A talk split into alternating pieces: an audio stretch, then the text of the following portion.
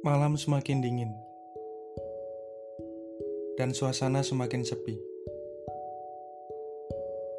Di tengah semilir angin yang berbisik, aku melihat kembali hoodie milikmu yang tertinggal. Ketika terakhir kali kita menonton sebuah film,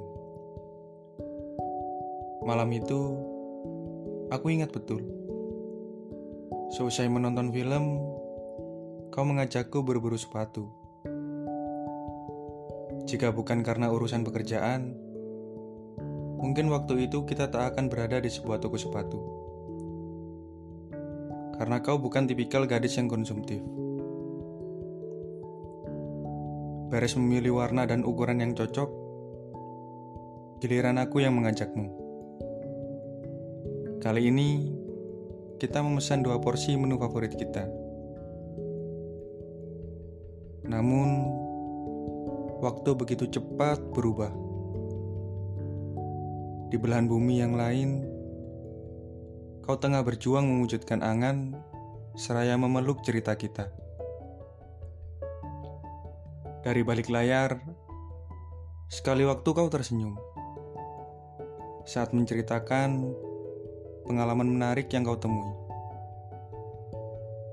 Kau senang ketika kau juga berhasil menemukan potensi lain dalam dirimu yang selama ini tidak kau ketahui, seperti memasak sayur atau membuat kue kering.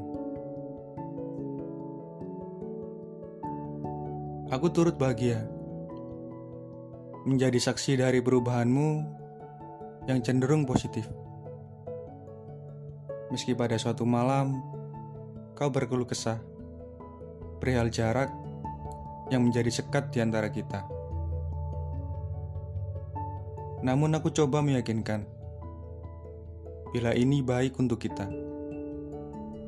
Karena sejatinya jarak memiliki makna terpisah dengan berpisah. Karena jarak kita juga dapat mempersilakan rindu bergerak dan berdetak agar kita juga dapat mengetahui segunung apa rindu yang kita miliki.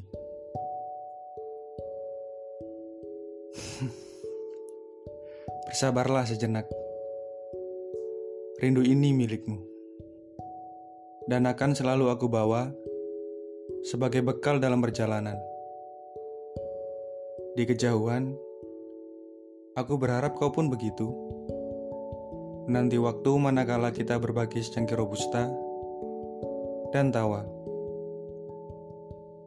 Kita merancang rencana untuk masa depan. Lalu tangan kita berpegangan. Kemudian dunia menjadi milik kita berdua. Jika benar rindu berbanding lurus dengan butuh, maka ketika waktu yang dinanti untuk bertatap muka terjadi, kita akan sadar satu hal: tak ada yang lebih indah di saat kita merasa utuh.